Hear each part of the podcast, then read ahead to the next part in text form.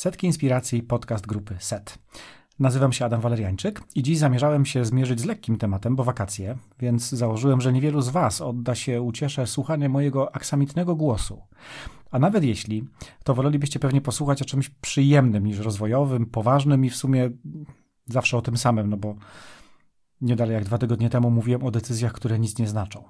Ale, jak być może wiecie, lubię gotować. Więc w naturalny sposób z chęcią oglądam programy kulinarne, a najchętniej oglądam Jamie'ego Olivera, który w każdym odcinku o kuchni włoskiej powtarza, żeby do każdego sosu do makaronu dolać trochę wody z gotowania tego makaronu, bo w niej jest skrobia, a w sosie jest oliwa i to się jakoś uzupełnia i lepiej się emulguje.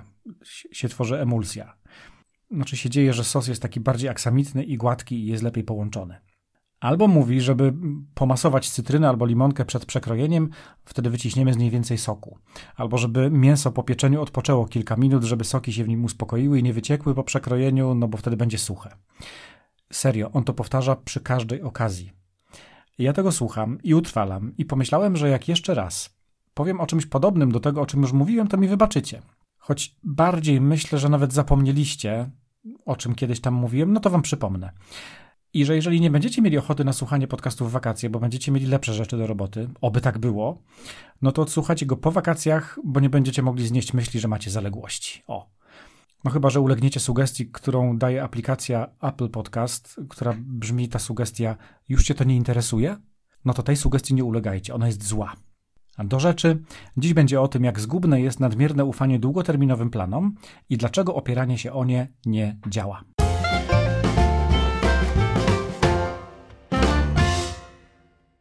No ale są wakacje, więc jednak do nich nawiążę.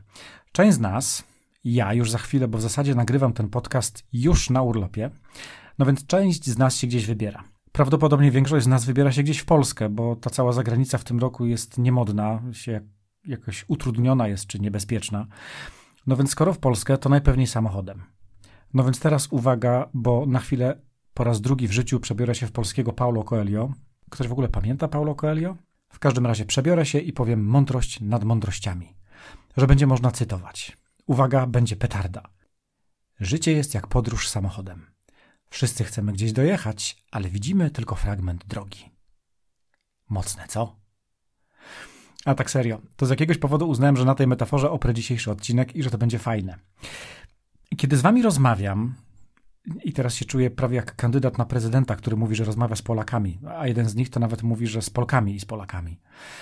No ale kiedy z wami rozmawiam podczas coachingu czy szkoleń, to słyszę, że wielu z was, powiem nawet wielu z nas, ma jakieś życiowe czy zawodowe plany.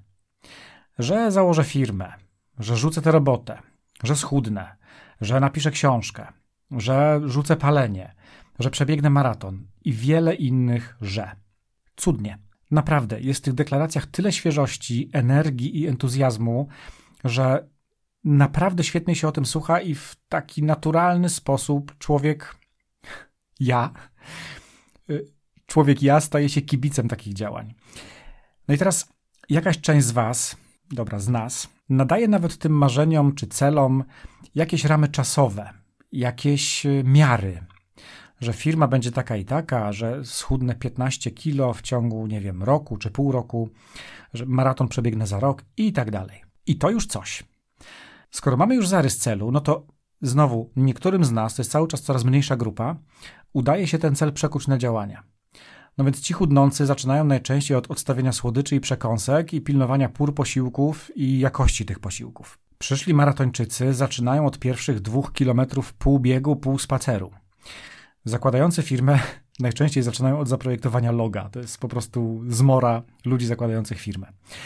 Piszący książkę od stworzenia jakiegoś zarysu treści i zebrania materiałów. I uwaga, bo właśnie w takim podejściu ja się upatruję największej pułapki. To znaczy, stawiam sobie jakiś może nawet precyzyjnie zarysowany, długoterminowy cel i zaczynam działanie w jego kierunku. To brzmi mniej więcej tak. Polećmy na księżyc. O, super, a kiedy? E, no, mm, za 5 lat. O, super, świetny pomysł, dawajcie maszyny do szycia, robimy skafandry. Jak wiecie, lubię koloryzować i przerysowywać. No to tutaj właśnie tak zrobiłem. Jeśli chcesz przebiec maraton, to na pewno musisz zacząć od pierwszego półbiegu, pół spaceru, ale jeśli nie podzielisz sobie tego długoterminowego celu na etapy, nie skontaktujesz się z jakimś trenerem, albo przynajmniej nie wdrożysz jakiegoś przemyślanego wcześniej przez kogoś doświadczonego planu treningowego, no to nie jesteś w stanie nawet ocenić postępów. Jeśli chcesz schudnąć 15 kg, to oczywiście, że musisz odstawić przekąski, ale to może nie wystarczyć. Jeśli będziesz jeść bez zmian w kontekście wielkości, jakości Twoich posiłków, yy, proporcji między różnymi makroelementami. Prawdopodobnie zrzucisz z 5 kg po odstawieniu przekąsek i się na tych 5 kg zatrzymasz, bo Twój bilans kaloryczny i tak będzie zbyt wysoki w stosunku do energii, którą wydatkujesz. Więc bez założeń dietetycznych i kontrolowania postępów, schudnięcie 15 kg będzie w takiej sytuacji ogromnym szczęściem. Kiedy zakładasz firmę, fajnie mieć logotyp i wizję, ale bez podzielenia tej wizji na mniejsze kawałki możesz się obudzić na przykład po roku i nawet nie potrafić stwierdzić, czy jesteś w dobrym miejscu, czy w niedobrym miejscu. Bo to, że po roku jeszcze nie zarabiasz, to jest nawet dość naturalne.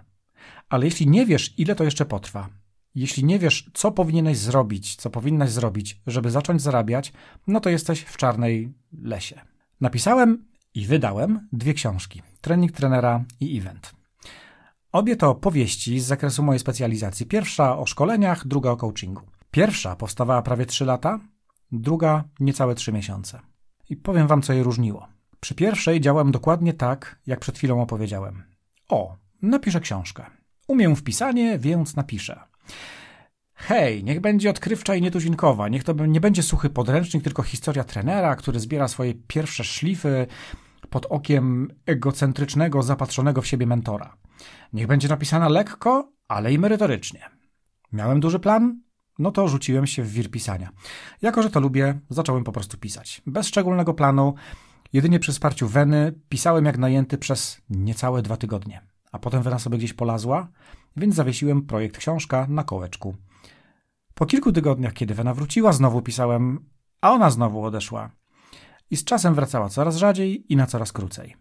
Pisanie mi się trochę znudziło, a fakt, że po roku miałem zlepek kilku mini opowieści, które trudno mi były poskładać w jedną całość, wcale mi nie pomagał. Na tym etapie książka Trening Trenera była trochę jak filmy Patryka Wegi. Kilka najpikantniejszych trenerskich historii, które nie tworzyły spójnej fabuły. Ostatecznie po solidnej przebudowie tekstu, po wyrzuceniu całych rozdziałów do kosza i napisaniu nowych od zera, udało mi się, tak chyba to będzie dobre sformułowanie, że mi się udało, bo to naprawdę się udało. Więc udało mi się stworzyć historię, która ma jakikolwiek sens oraz wartość edukacyjną. I też taką lekkość, na której mi zależało. Trzy lata mi to zajęło. Druga książka zaczęła się od rozpisania fabuły, charakterystyki postaci, mm, najważniejszych zwrotów akcji, które gdzieś w głowie mi się urodziły i była przemyślana od początku do końca. No może nie w stu procentach, bo zakładałem sobie, wiedząc, że to będzie powieść, że bohaterowie i tak sami mnie poprowadzą. To było niesamowite, tak na marginesie powiem, kiedy jak pisałem dialogi, to po prostu miałem wrażenie, że jestem jakimś skrybą, który notuje nie swoje myśli. To jest nieprawdopodobne przy pracy twórczej. No więc rzeczywiście pewnie w 70% udało mi się na samym początku stworzyć zarys fabuły, te 30% dopisali mi bohaterowie, w których gdzieś tam się wcielałem. Dodatkowo za radą Remigiusza Mroza, tak tego Remigiusza Mroza, ale dodam tylko, że jego rada nie była osobista, tylko taka, którą przeczytałem na jego blogu. No więc za tą radą postanowiłem, że będę pisał minimum 5 dni w tygodniu, po 7 stron, nie maszyno, komputeropisu przy użyciu fontu Calibri 11, a jak będą dialogi, to będę pisał minimum 10 stron. I o ile pamiętam, przez cały czas pisania książki nie przekroczyłem tego reżimu chyba ani razu. Zdarzało mi się siedzieć przed pustą kartką, znaczy przed pustym ekranem, białym ekranem, przez 15-20 minut, kompletnie bez pomysłu na to, co za chwilkę miałoby się w danym rozdziale pojawić, ale dzięki temu, że wcześniej miałem opisaną i dość dobrze przemyślaną fabułę, mogłem się przełączyć na inny rozdział, na innego bohatera albo bohaterkę i pisać o czymś innym. Ale pisałem. Jak mówiłem w poprzednim odcinku podcastu Decyzje, które niczego nie zmieniają, codziennie przez pięć dni w tygodniu podejmowałem decyzję, że dziś piszę. Nie tylko wtedy, kiedy mi się chce, kiedy jest ze mną wena. Piszę codziennie. I tekst w wersji SOTE, czyli takim przed korektą i redakcją, powstał w nieco ponad 2,5 miesiąca. Gdzieś między 10 a 12 tygodni e, pisałem drugą książkę. Otóż niepodzielony, wielki, zuchwały, wypasiony cel ma kilka faktorów, na które chcę Wam zwrócić uwagę, które sabotują jego osiągnięcie.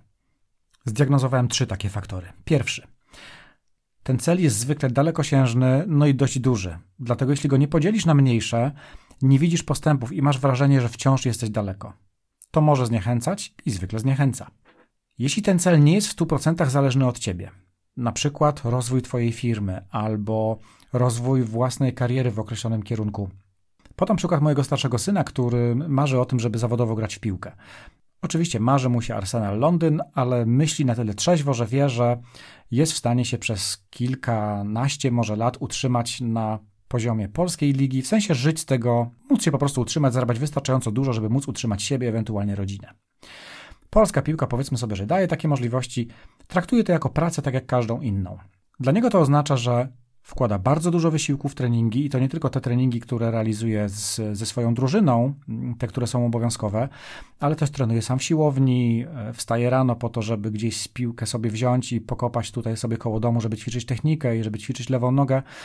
Mm, daje z siebie wszystko na meczach, daje z siebie wszystko na jakichś sparingach czy meczach ligowych, tylko że na to, gdzie on się ostatecznie znajdzie, ma wpływ nie tylko ilość czasu i wysiłku i serca, które włoży w trening, ale też decyzje personalne, sympatie czy antypatie trenera, kontuzje, zwykłe szczęście. Podobnie w biznesie. Wielokrotnie szczęście, taki moment, że jesteśmy we właściwym miejscu i w właściwym czasie, znaczy o wiele więcej niż ilość wysiłku i pracy, którą włożyliśmy w rozwój tego biznesu. Więc będą pewne cele, które nie są w 100% zależne od nas. I w takim przypadku, jeżeli nie podzielimy ich na mniejsze kawałki, które są w 100% zależne od nas, no to pozbawiamy się wpływu na cokolwiek że cokolwiek zrobisz, to zawsze wiatr w oczy. Że się starasz i nic ci nie wychodzi, że firma nie idzie, że kariera się nie rozwija. No i to może zniechęcać i zwykle zniechęca. Trzeci faktor. Ten duży cel jest odroczony w czasie, przez co jakiekolwiek gratyfikacje, to co ma przyjść na końcu, to całe nasze po co my to robimy, no więc te gratyfikacje mogą się wydawać mrzonką. Twój pierwotny zapał szybko się wypali, bo widzisz, że zrobiłeś czy zrobiłaś 3% drogi do celu, a już jesteś u kresu sił. Tu mi się przypomina moja pierwsza jazda rowerowa z lokalnymi koniami. Ona się zakończyła tym, że stwierdziłem, że więcej z nimi nie pojadę. Byli tak daleko przede mną, jeżeli chodzi o siłę i taką wydolność, wytrzymałość, że stwierdziłem, że nigdy ich nie dogonię, więc nie ma sensu ich gonić. Ale zauważyłem też, że jazda z nimi spowodowała, że jak jadę sam, no to mój mózg i moje ciało pamięta te momenty, że już jadąc z nimi cisnąłem po prostu na maksa, żeby nie zgubić koła i żeby nie odjechać od nich na 10 metrów, bo za chwilkę byliby, kilo, byliby kilometr przede mną. Więc wiedziałem, że mnie na to stać. I dzisiaj, jadąc samemu, potrafię włożyć więcej siły w nogi i jechać z większą szybkością albo jechać dalej. Nadal nie mam ambicji jeździć 35 km na godzinę pod wiatr, ale widzę, że nie przeklinam wiatru tak jak w zeszłym roku, kiedy robiłem moje pierwsze 100 km i na całe, na całe gardło gdzieś w polach krzyczałem brzydkie słowa na K. Więc widzę postęp i na tym się koncentruję. Jak wspominałem, nagrywam w zasadzie w urlopie, więc idę do puenty. Co więc robić? No więc chyba już odpowiedziałem na to pytanie moją błyskotliwą metaforą o życiu i o podróży samochodem. Dalekosiężny cel jest ok, ale pamiętajmy, że widzimy tylko fragment drogi, widzimy drogę tylko do kolejnego zakrętu. Ergo, uwielbiam to słowo, to już wiecie, mamy wpływ tylko na to, na co mamy wpływ. Możemy sobie drogę z grubsza zaplanować, ale nie mając wpływu na korki, na objazdy, jakieś wypadki czy zwykłe remonty, których nam nawigacja nie podpowiedziała, musimy jak najefektywniej wykorzystać ten kawałek drogi, który aktualnie widzimy, oraz reagować i modyfikować plan podróży w zależności od tego, co nas spotka, albo, i to jest druga opcja, niestety, pokornie siedzieć w samochodzie, jak utkniemy w 10-kilometrowym korku, który w sierpniu, w ostatnim tygodniu sierpnia na przełęczy Brenner jest zawsze, bo wtedy wszyscy Niemcy w swoich kamperach ruszają zdobywać północne Włochy, bo wtedy jest taniej, a dla osób, które zarabiają w euro, to chyba jest ważne. Nie wiem, bo się nie znam, bo nie zarabiam w euro. Dlatego krótki termin rządzi. Krótki termin pozwala nam na realizację naszych działań i pozwala nam na to, żeby zbliżyć się do tego wielkiego, zuchwałego, wypasionego celu. Na koniec powiem, że Mam świadomość, że dla wielu z Was, którzy mnie słuchają, to, o czym mówię, jest dość oczywiste. I mam też taką nadzieję wakacyjną swoją, że nagrywam ten podcast nie tylko dla Was, osób światłych, które w rozwoju trochę siedzą. I z tego miejsca, jak bardzo często zachęcam do tego, żeby, żebyście korzystali z tego podcastu i polecali go nie wiem, uczestnikom waszym szkoleń, innym ludziom, waszym klientom coachingowym. Czasem to jest tak, że jak obca osoba komuś powie coś innego, e, to to może trochę lepiej zwyczajnie siądzie. Więc robię to też po to, żeby trafiać do ludzi, którzy specjalizują się w czymś innym niż rozwój człowieka, specjalizują się w czymś innym niż planowanie, stawianie celów, e, szkolenia, coachingi, etc. I zwyczajnie mogą takiej wiedzy potrzebować. I właśnie dlatego zachęcam Was do tego, żeby polecać, żeby się dzielić. I na koniec pozdrawiam Was bardzo serdecznie. Życzę Wam udanych wakacji. Mam nadzieję, że się usłyszymy za dwa tygodnie, znaczy, że Wy mnie usłyszycie, bo nie wiem, jak będzie z moim y, wakacyjnym reżimem, jeżeli chodzi o nagrywanie podcastów. Wakacje to jest jedyny czas, kiedy daję sobie taki cień dyspensy. Więc zobaczymy. Tak czy inaczej, do usłyszenia w kolejnym odcinku. Hej!